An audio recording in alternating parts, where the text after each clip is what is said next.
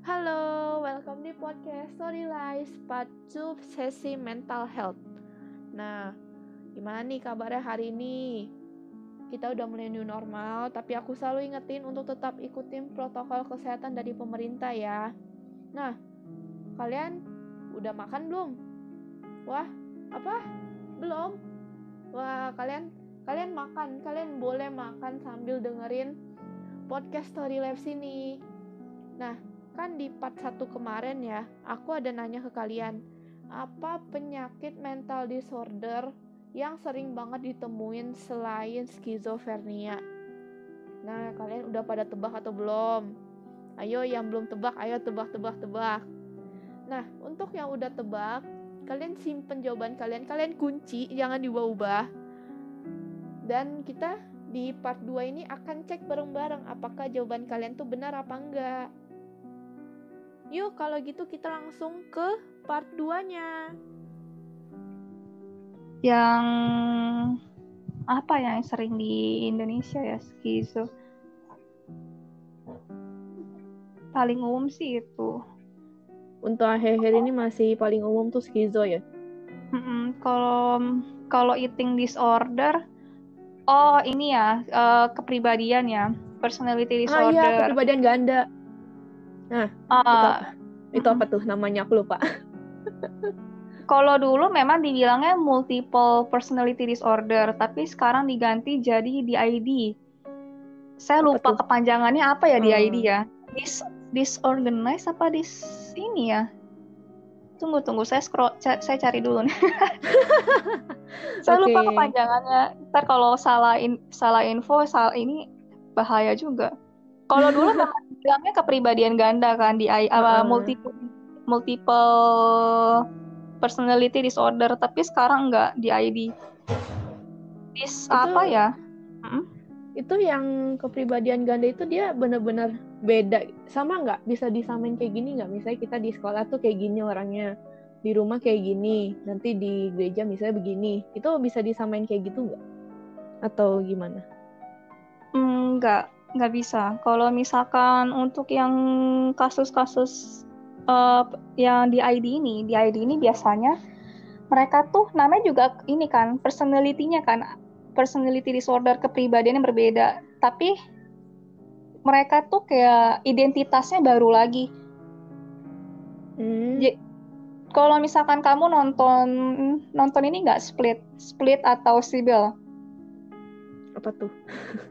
Oh nggak nggak nonton ya. Kalau yang Glass nonton Hmm. nggak? Glass? Nggak ya? Yang apa? Ya, Glass kayaknya sempat berapa tahun yang lalu ya, tahun 2018 apa 2015 Glass. Kayaknya aku gaptek film wis. Sequelnya, tuh? Tentang dia apa itu? sequelnya dari Split itu dia orang apa t- tentang kepribadian ganda. Kalau Sibyl itu yang paling fenomenal sih di awal-awal. Berapa kepribadian gitu? 9 ya kalau nggak salah, 8, 16. Oh. Ada bukunya kok, ada bukunya di ini. Oh. Sibyl.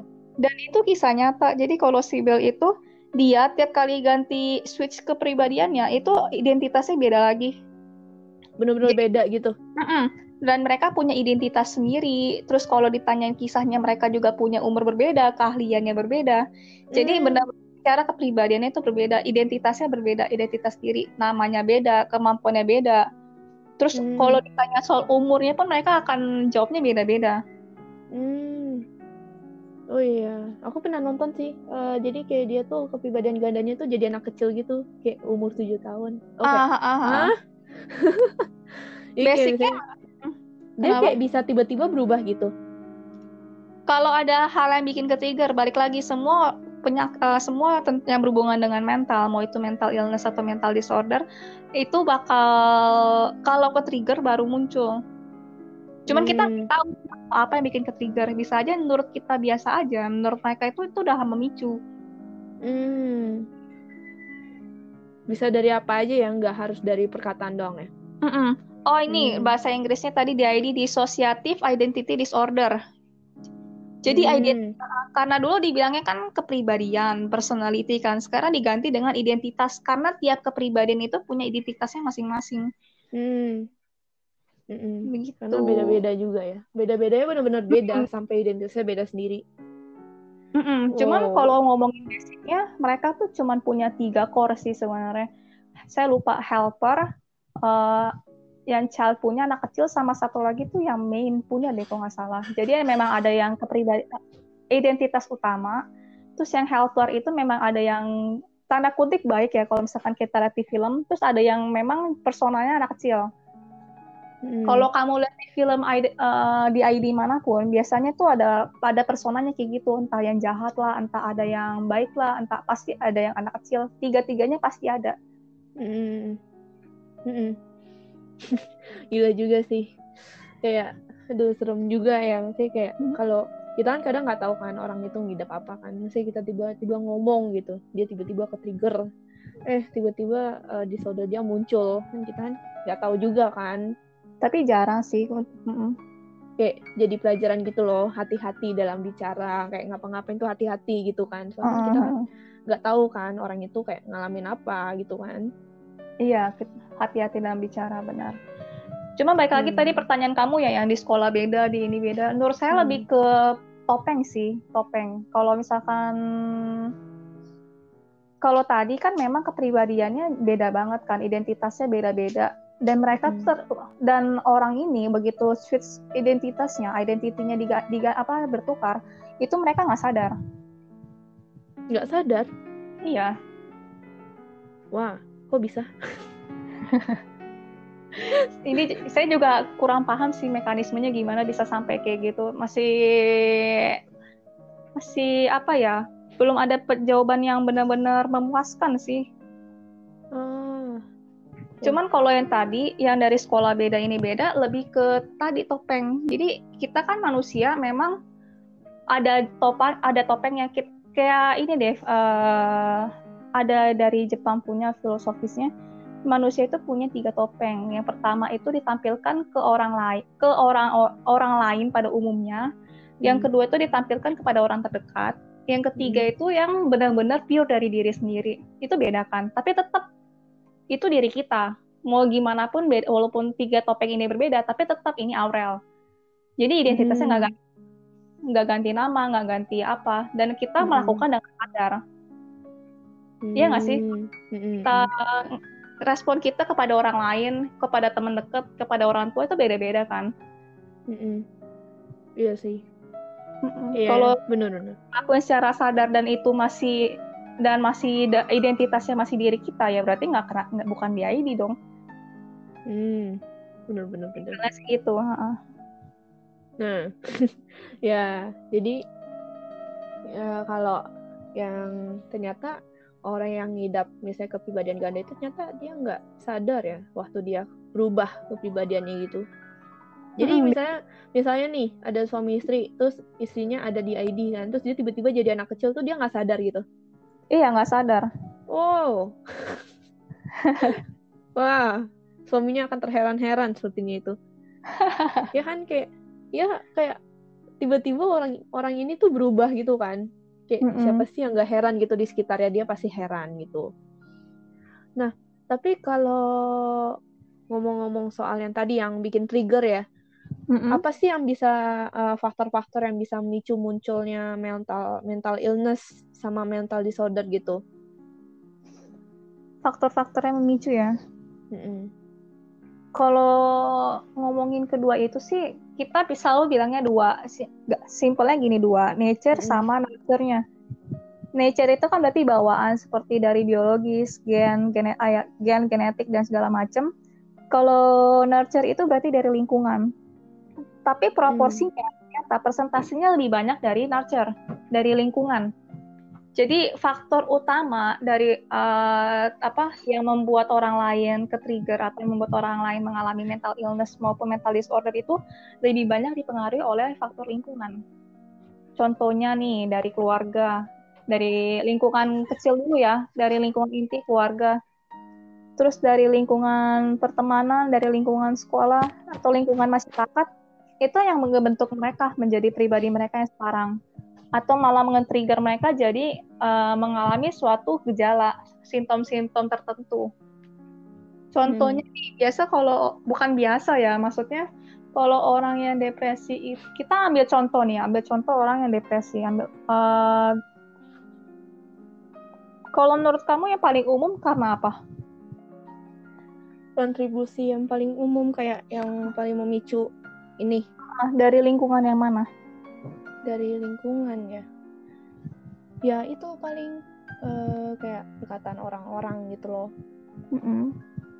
yang aku pikirin sih yang benar-benar basic dari perkataan orang-orang. Yang paling iya, dasarnya gitu. Mm -mm, benar. Dan sayangnya sayangnya nih karena kita dari kecil dari lahir juga maksudnya keluarga kenapa dibilang keluarga inti? Karena kan kita ngabisin waktu paling banyak sama keluarga kecil kita kan sama hmm sama lingkungan keluarga inti lah lingkungan keluarga kecil kita. Cuman uh, kadang gini orang tua punya ekspektasi yang tinggi kepada kita dan ketika nggak ngelewat apa nggak berhasil kita nggak berhasil mencapai ekspektasi itu akhirnya mulai muncul perkataan yang menyakitkan itu bisa jadi hmm. salah satu pemicu hmm. makanya kenapa dibilangnya kayak yang jadi hal-hal yang bikin ke trigger malah dari keluarga sendiri malah yang yang seharusnya menjadi support system malah menghancurkan kita gitu dan hmm. itu memang bukan bukan masuk akal sih maksudnya memang hal ini ter, sayangnya banyak terjadi di Indonesia hmm. Kayak sering banget terjadi lah di kayak hari-hari. Bukan hari-hari sih. Uh, emang kayak biasanya terjadi banget di Indonesia dan sering banget. Nggak nggak nggak sedikit juga kan yang kayak orang tuanya ngarap lebih sama anaknya apalagi yang kondisi itu anaknya tunggal gitu. Jadi mm-hmm. dia cuma ngarap sama anak satu-satunya. Jadi kan kalau bersaudara tuh ibaratnya tuh bisa ditanggung lah bareng-bareng kan sama saudaranya kan. Ya kan tapi kan kalau anak tunggal gitu kan dia harus nanggung sendiri gitu kan ya ekspektasinya tinggi ya maksudnya berharap banyak karena anak satu-satunya. Ya tapi bukan berarti orang tua nggak boleh berharap sih cuman ya tapi kayak kita tuh sebagai anak tuh kayak uh, aduh orang tua gue berharap gini nih kayak ekspektasinya tinggi nih masa kayak nggak bisa gitu kan? Tuh kayak muncul rasa-rasa bersalah gitu loh. Iya, sayangnya ya yang membuat kita yang membuat kita sering ngalamin kecewa kan memang karena ekspektasi kita. Sebenarnya kita nggak contohnya gini kita sebenarnya nggak nggak benar-benar benci sama orang loh. Tapi kenapa kita bisa kayak gue kecewa banget nih sama orang ini? Hmm. padahal orang ini nggak ngapa-ngapain sebenarnya. Yang menghancurkan itu kan ekspektasi kita. Kita berharap kita punya ekspektasi oh seharusnya dia membalasnya seperti ini. Oh seharusnya dia menjawab seperti ini karena kita menaruh ekspektasi itu dan ketika orang itu gagal um, apa me, me, gagal melewati ekspektasi kita akhirnya timbul kekecewaan. Dan masalahnya hmm. yang bahaya. Ketika kita mau ngerespon kekecewaan itu responnya gimana? Hmm. cenderungnya kan ini kan ketika kita kecewa terus nggak sesuai ekspektasi respon kita tuh kadang memang uh, kurang bagus. Dan itu mempengaruhi cara kita ngomong. Cara kita hmm makanya kenapa kalau misalkan ada orang apa kayak orang tua punya ekspektasi tinggi ke kita terus ternyata kita nggak nggak tanda kutip nggak berhasil lewatin malah perkataannya menyakitkan ya yeah. ya sulit untuk ngontrol ucapan ketika ekspektasi kita tuh memang nggak sesuai hmm. dan apa ya kita juga nggak bisa ngontrol orang tua kita untuk nggak berespektasi gitu kan yang iya. kita bisa kontrol ya cuman respon kita kalau misalnya itu apa namanya kita gagal nih mm-hmm. uh, gituin ekspektasi orang tua ya yang bisa kita kendalin ya uh, respon kita gitu kalau misalnya mereka ngomong ini ini ya respon kita apa ya kan uh, mm-hmm. ya kalau emang nggak bisa ya ya udah gitu kan. Coba lagi hal lain siapa tahu emang bisa di hal lain ya kan? Iya sebenarnya sih dia banyak caranya gitu loh.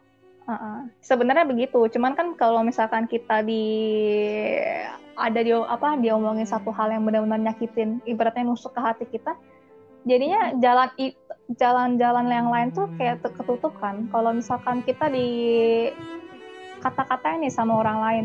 Kecenderungan kita malah men makin menutup diri. Jalan yang sebenarnya kebuka nih. Yang ada jalan yang ada pintu keluar malah ketutup.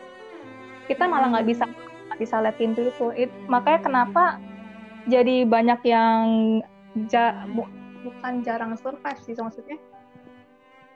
Iya sih kayak kebayang ya maksudnya kayak mereka malah ngestak di situ akhirnya mulai mendem mulai stres segala macam akhirnya memicu ke Mm. depresi dan lain-lain Mm-mm. Jadi kalau misalnya kayak oh, misalnya kayak eh, menurut Mi sendiri orang kecewa gitu-gitu marah, berarti lebih Mhm. bagus untuk nggak dipendam ya?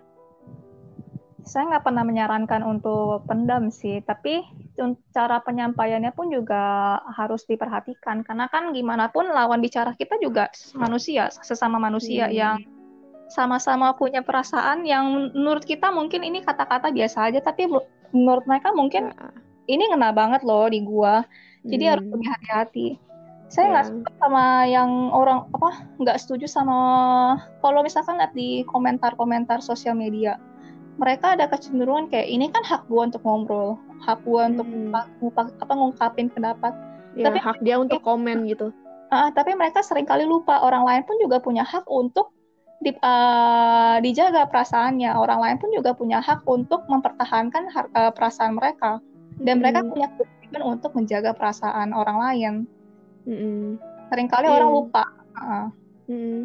Kayak kayak ngomong-ngomong seenak-enaknya aja gitu kan nggak tahu itu orang bisa aja dari omongan kita tuh kayak sakit hati gitu kan iya bukan Saya- cuma langsung gitu di komen aja di eh, di sosmed gitu ya itu kan Mm. bisa juga kan kayak ya contohnya kita ambil contoh dikit kan eh, kisahnya si Jimin AOA sama si Mina yang yang si lagi. Jimin iya Jimin ngebully sama ngebully si Mina terus si Jimin dibully abis-abisan sama netizen kan. Eh iya tahu kalian ada berhak untuk ngomong komen di medsos kan cuman eh, emang harus untuk komen hate gitu kan. Maksudnya eh, bukannya malah bikin kelar masalah malah bikin si Jimin ini bisa aja kena mental disorder juga kan. Yang malah masalahnya tambah runyam gitu kan. Ya maksudnya ah, akhirnya juga nggak nyelesain apa-apa gitu. Benar benar benar. Terlepas dari perilaku perlakuan dia selama 10 se- kita bukan berarti ngebelain si ini ya Jimin ya. Hmm, Jiminnya memang memang salah. Kalau misalkan hmm. dari Kalau cerita emang terbukti dia emang bener-bener ngebully ya. Em, terbukti gak sih? Nggak tahu sih saya nggak ngikutin lagi. Ya aku juga nggak tahu ngikutin banget. Cuma aku tahu si Jimin ini ngebully Mina selama 10 tahun. Ah, ah, ah, ah. kasihin juga. Maksudnya kita kita bukan bukan ngebela Jimin gitu. Maksudnya yang dilakukan juga kalau emang terbukti benar ya itu salah gitu kan. Maksudnya terbukti benar beritanya ya itu salah berarti daripada kita fokus ke komen hate-nya ke Jimin, kenapa nggak kita support si Minanya? Jadi Hmm. karena yang lebih butuh sebenarnya si Mina loh. Kalau misalkan kita Hmm. nge-hate si Jimin, kita nggak tahu loh dia bakal ngapain. Kalau misalkan lihat dari kalau benar kejadiannya dia ngebully dan kita lihat dari eh, polanya, polanya, berarti berarti bakal sangat mungkin dong kalau misalkan eh, dia semakin di hate, malah semakin benci si Mina, terus bakal Hmm. ngelakuin gimana caranya biar bisa ngehancurin si Mina nggak- baik secara fisik maupun secara mentalnya kita nggak tahu tapi kayaknya sih Hmm. kalau lihat dari polanya kemungkinan besar ke sana jadi daripada Iya. kita nyerang kenapa nggak kita support Mina karena yang yang lagi riskan itu malah si Minanya sendiri Mm-mm. Iya, karena orang tuanya Minanya, orang tua Minanya sendiri juga ya udah stres juga, maksudnya nggak udah nggak tahu juga, maksudnya nggak nggak bisa ngebantu Mina juga gitu. Yang bisa kita lakukan sebagai pengguna sos- sosmed ya, kita kenapa nggak dukung Minanya aja? Maksudnya karena dia lebih butuh dukungan itu kan, daripada Mm-mm. kita harus nge-hate Jimin. Nah, ya gitu. Heeh. Wah, kita dapat kita jadi dapat eh, pelajaran baru lah ya untuk untuk apa ya? Hati-hati dalam ngomong. Bukan cuma ngomong untuk komen juga di sosmed mau di mana pun gitu ya. Mm-mm. Terus kayak eh, kalaupun emang kalian misalnya marah, kecewa gitu di dipikirin juga cara nyampainya gimana. Jangan sampai itu orangnya sakit hati gitu kan. Karena kan kita nggak bakal tahu apa akibatnya dari omongan kita ke mereka kan. Mm-mm, benar. Kalau kamu kasarnya nih, eh, kasarnya, omongan kita itu bisa eh, jadi pembunuh loh buat orang lain. Hmm. Mulutmu harimaumu. Ada tuh peribahasa tuh. Bukan bukan karena kita disakitin sama banyak orang, terus kita ngikutin, kita malah ber- ngerasa berhak untuk nyakitin orang lain. Itu sih nggak kapan kelarnya, Hmm. siklusnya bakal berulang terus. Mm-mm. ya jadi kayak kayak roda gitu bakal berulang gitu Mm-mm, siklusnya nggak bakal selesai kalau kayak gitu. Mm-mm. nah tapi ya kan di ngomong soal mental uh, illness gini kan tadi kan depresi termasuk mental illness ya berarti ya Mm-mm. kan ada nih orang kan kayak sering gitu kan stres misalnya ada masalah dikit uh, aduh gue nggak bisa nih terus gue kayak stres nih Mm-mm. terus uh, apakah stres itu termasuk uh, mental illness Kalau misalkan ngomongin tentang stresnya doang, mas, dia nggak masuk ke mental illness. Malah stres itu merupakan reaksi yang manusiawi. Hmm. Nah, kita balik lagi ya ke pengertian stresnya sendiri. Kalau stres itu artinya reaksi tubuh yang muncul saat seseorang menghadapi ancaman, tekanan, atau suatu perubahan. Jadi maksudnya maksudnya gini, kita bakal ada stres kalau ada sesuatu yang nge-trigger kita. Nah, sesuatu yang nge-trigger kita itu bisa berupa tekanan, situasi yang mencekam, atau hal-hal yang eh, hal-hal baru yang sebelumnya kita tidak persiapkan dengan baik. Itu namanya stresor. Jadi hal-hal yang mencek apa hal-hal yang membuat kita ke-trigger itu namanya stresor. Contohnya Hmm. tadi kalau misalkan sebagai pelajar mungkin ulangan mendadak atau Hmm. tugas terlalu banyak. Itu Iya, setuju. Ya, Terus? itu stresor. Itu namanya stresor. Kalau misalkan karyawan mungkin deadline yang, yang terlalu mepet atau dari tuntutan pekerjaan yang tinggi, itu stresor mereka sebagai uh, orang pekerja. Ada yang Mm-mm. stresor itu memicu stres. Nah, Mm-mm. stres itu sendiri dibagi jadi dua bagian. Jadi ada yang stres positif sama stres negatif. Stres positif itu disebutnya eustress. Hmm. Kenapa dibilang positif? Karena uh, stresor ini dia malah memicu kinerja kita menjadi lebih baik. Performa kita malah menjadi lebih baik. Hmm. Contohnya tadi deadline-nya mepet nih. Biasanya sih mahasiswa begini. Deadline-nya mepet tinggal ini kayak saya sendiri. ini pengalaman pribadi ya. ya, saya tipe yang kalau teman-teman yang teman-teman kampus yang tahu saya mereka pasti tahu lah cara kerja saya gimana. Hamin satu saya baru kerjain. Hmm, ini tipe-tipe orang SKS ya. iya. Saya uas juga belajarnya SKS pas hari H jam Hmm. pas hari H itu baru saya belajar. Hmm. Yang tadi ya balik lagi ya, uh, kalau misalkan dikatakan eustress itu atau stres positif tadi, uh, kalau misalkan deadline nih, deadline-nya tadi mepet, akhirnya kita malah termotivasi untuk kerjainnya uh, kerjain dengan apa cepat sampai selesai. Hmm. Pokoknya kinerja kita atau produktivitas kita masih baik meningkat. Hmm. Ya, minimal masih baik lah, kita nggak tahu meningkat apa enggaknya, tapi masih baik. Tapi kalau Hmm. misalkan dis, uh, lawannya stres yang negatif, itu kan distress namanya. Hmm. Stres yang negatif ini bahaya yang bisa menurunkan performa kita. Kerja kita menjadi menurun karena terlalu banyak deadline. Aduh, terlalu pusing nih. Akhirnya nggak dikerjain sama sekali. Akhirnya jadi berantakan. Ini balik lagi. Uh, Walau kayak tadi satu contoh bisa aja sama-sama deadline, tapi respon mereka gimana? Kalau misalkan performa hmm. berarti mereka stresnya positif. Kalau malah men- semakin menurun berarti stresnya negatif.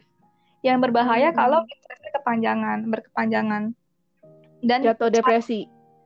Uh, tapi prosesnya nggak gitu doang sih. Jadi kalau misalkan mereka ngalamin distress ke- berkepanjangan, kita ada yang ngomong uh, ada yang namanya coping stress. Coping itu berarti gimana cara kita menghandle stres itu. Kalau Hmm. eustress berarti kan mereka bisa menghandle dengan baik kan dan terbukti produktivitasnya meningkat, kerjanya Hmm. bagus. Tapi kalau misalkan distress, uh, berarti memang tidak tidak terlalu bagus kan ininya produktivitasnya nggak gitu bagus dan kalau coping mereka tidak bagus akhirnya bisa memicu ke mana-mana contohnya nih Ke mana-mana. kalau orang yang stresnya ya yang literally benar-benar ke mana-mana contohnya ada orang yang stres karena mereka nggak bisa coping dengan baik akhirnya mereka alihin ke makan ada nggak yang kayak Hmm. gitu kayaknya Hmm. ada deh. banyak sih Kayaknya kayaknya. ada ada yang aduh gue stres nih larinya ke makan atau ke minum atau ke eh, misalkan kayak gigit kuku gigit jari Hmm. Atau ada yang malah yang kayak nyakar-nyakar tubuh sendiri jadi benar-benar ke mana-mana dan itu bisa menyebabkan ke mental illness maupun mental disorder Hmm. makanya tadi saya bilang kan yang mental disorder itu uh, kalau misalkan ada yang stres berkepanjangan, mereka bisa memicu ke skizofrenia. Bisa, bukan berarti semua orang yang stres berkepanjangan langsung ke skizo enggak. Terus hmm. apa juga depresi atau ke stres akut atau ke kecemasan.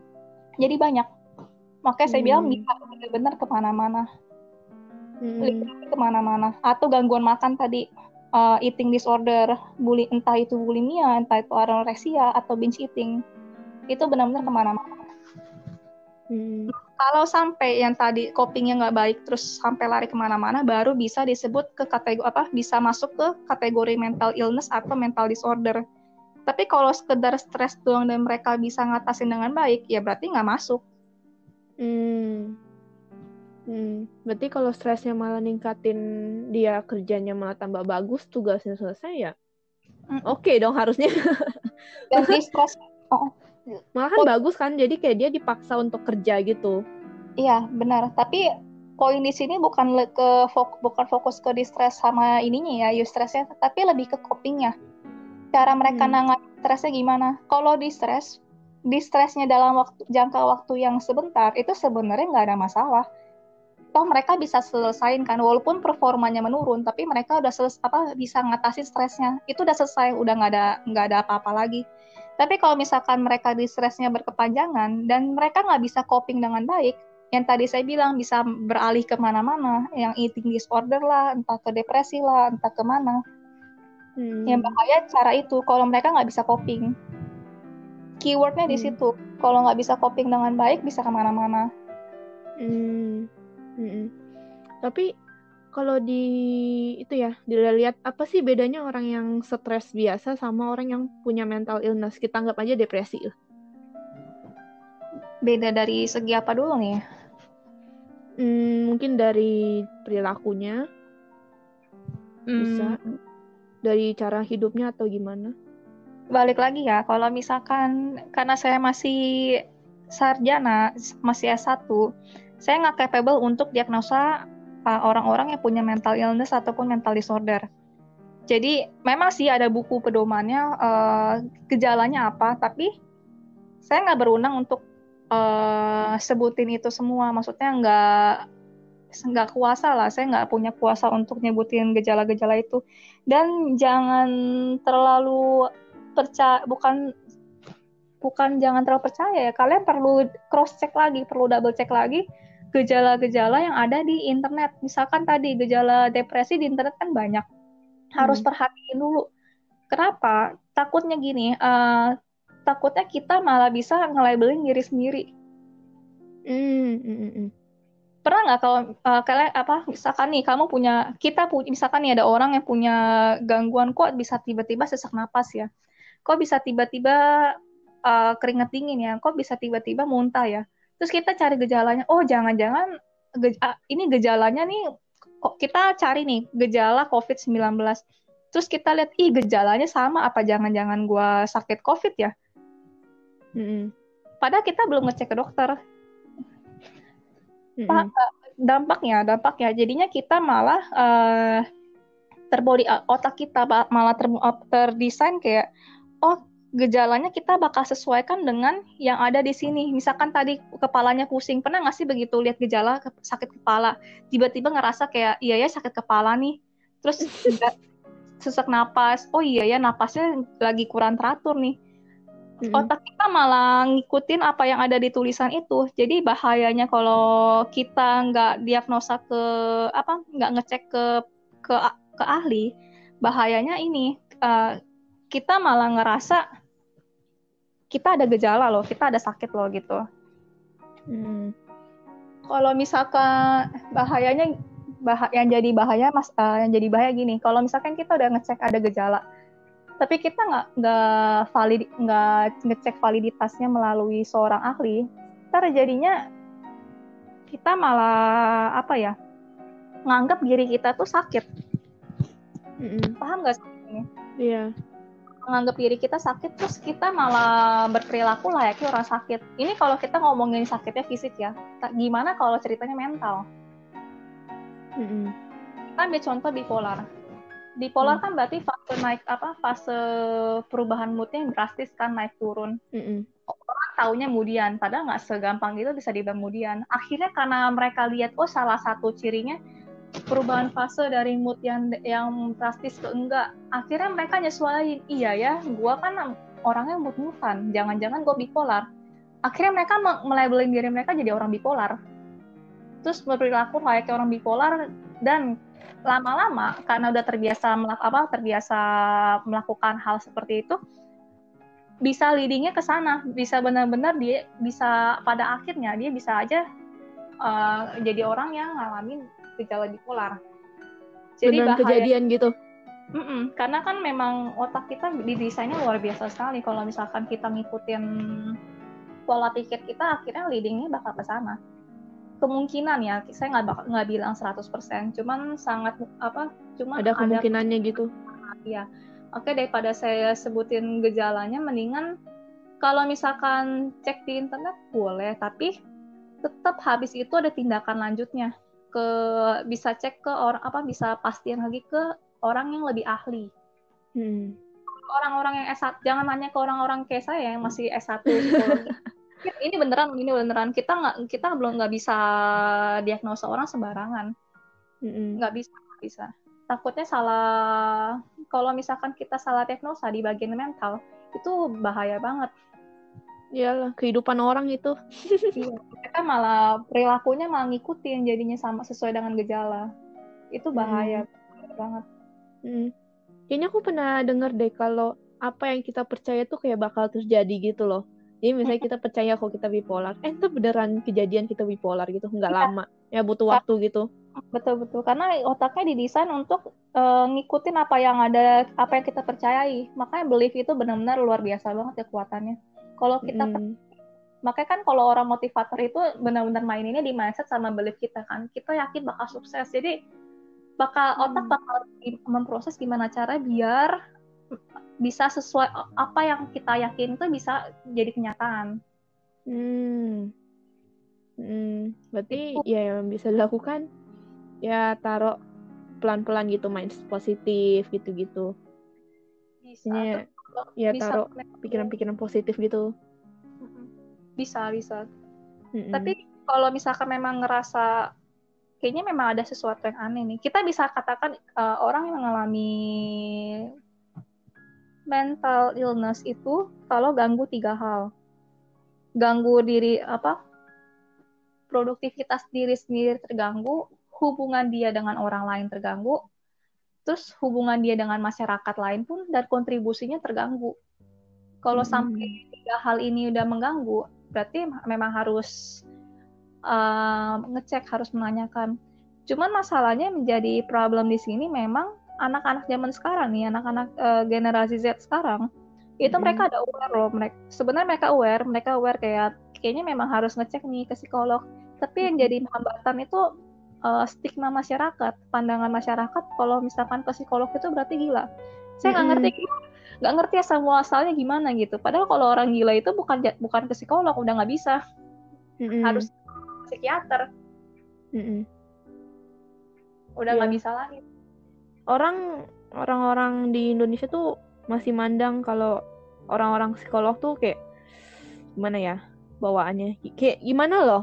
Uh, aduh nih orang ada masalah nih sama mentalnya. Aduh kayak nggak mau ada deket gitu loh. Kayak gitu. Justru bukannya orang yang kena mental disorder atau mental illness ini malah harus kita deketin gitu ya?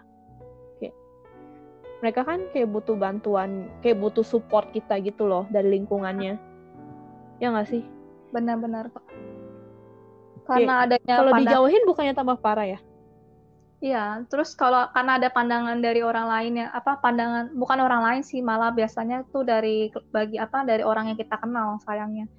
Kalau dari hmm. pandangan orang sekitar, uh, kalau ke psikolog jadi momok sendiri orang-orang itu kan jadinya nggak mau terbuka, jadinya malah kayak bom waktu loh, tinggal nunggu waktunya sampai mereka tuh meledak nggak tahu gimana nggak tahu meledaknya dalam dalam dalam artian kayak gimana ya hmm. itu bahaya sih maksudnya yang yang agak kasihan juga sih yang orang-orang yang mereka sadar bahwa mereka tuh perlu perlu penanganan khusus di bagi apa dari segi penanganan mental tapi ibaratnya nggak Mm-mm. mm tuh dari sana sini Mm-mm. strugglingnya Iya sih. makin single. Mm-mm. Terus kayak eh maksudnya kan kita kan ke psikolog itu kan kita kan eh, biar penyakit sembuh kan, maksudnya kayak eh, kita juga nggak mau kan punya mental disorder atau mental illness gitu untuk yang mengalami kan. Kita Hmm. juga ke psikolog itu butuh bantuan. Maksudnya kan nggak nggak salah gitu. Maksudnya kalian kalau ke psikolog itu kan berarti kan kalian emang udah ada niat- udah ada niatan untuk sembuh gitu Mhm. jadi kayak nggak salah gitu kan. Nggak apa-apa kalau kalian emang kira-kira butuh bantuan dari psikolog ya datengin aja gitu. Ya tanya gimana ini solusinya gitu kan. Mereka pasti punya solusi sendiri karena kan mereka kan udah dilatih untuk menangani hal-hal kayak gini kan. Mhm. betul. Tapi kalau apa ya kan kadang ada tuh orang yang yang tadi kayak kita bilang eh, orang-orang yang mengklaim dirinya tuh dia punya mental disorder gitu loh nah gimana sih cara kita bedain orang-orang yang bener-bener punya mental disorder sama yang cuma nyari perhatian dengan punya mental disorder? Jadi kayak orang kan pada care sama dia kok. Kan mungkin ada kali ya beberapa kayak orang jadi care sama dia kayak aduh dia punya mental disorder nih kita harus jadi kayak lebih deket sama dia gitu. Itu gimana bedanya? Kalau ini mungkin lebih ke pendapat saya aja ya. Kalau menurut saya itu salah satu cara yang bisa kita lakukan itu dengan cara konfirmasi ulang. Hmm. Kita tahu dia ngalamin mental disorder karena dia cerita dong, karena dia ngobrol kan, karena dia ceritain kronologinya gimana, hal Hmm. apa yang memicu sampai dia bisa ngalami tanda kutip mental disorder. Bakal ketahuannya gitu. eh, kalau misalkan dia bohong, polanya bakal kelihatan. Jadi kalau kita tinggal, cuma ini memang agak agak makan waktu sih sampai ketahuan bohong apa enggaknya. Jadi tiap kali dia cerita, kita inget dulu, inget terus apa inti-intinya. Atau enggak ketika dia cerita panjang lebar, kita kayak kita ngomongnya paraphrasing ya. Jadi paraphrasing itu kayak semacam diring, dirangkum ulang apa omongan dia kayak aduh gue lagi apa gua kayak gini tuh gara-gara orang tua gue ngomongnya kayak gini gini gini terus kamu ulang paraphrasing kayak oh jadi kamu begini karena orang tua kamu gini gini gini ya jadi Mhm. kalau misalkan kita paraphrasing terus-terusan kita kayak konfirmasi ulang kita rangkum ulang apa omongan dia nanti bakal ada celahnya sampai dia sampai kita tahu ada ada gap yang dia itu bohong loh kok nggak sesuai sama yang tadi diomongin. Nah kalau yang tadi bohong apa yang tadi pura-pura itu bakal ketahuan di situ. Dia bakal ada satu fase yang eh, ini ceritanya tadi nggak si- nggak sinkron loh sama yang lu omongin tadi gitu. Bakal ketahuan di sana. Hmm, bakal ada waktunya dia ketahuan gitu.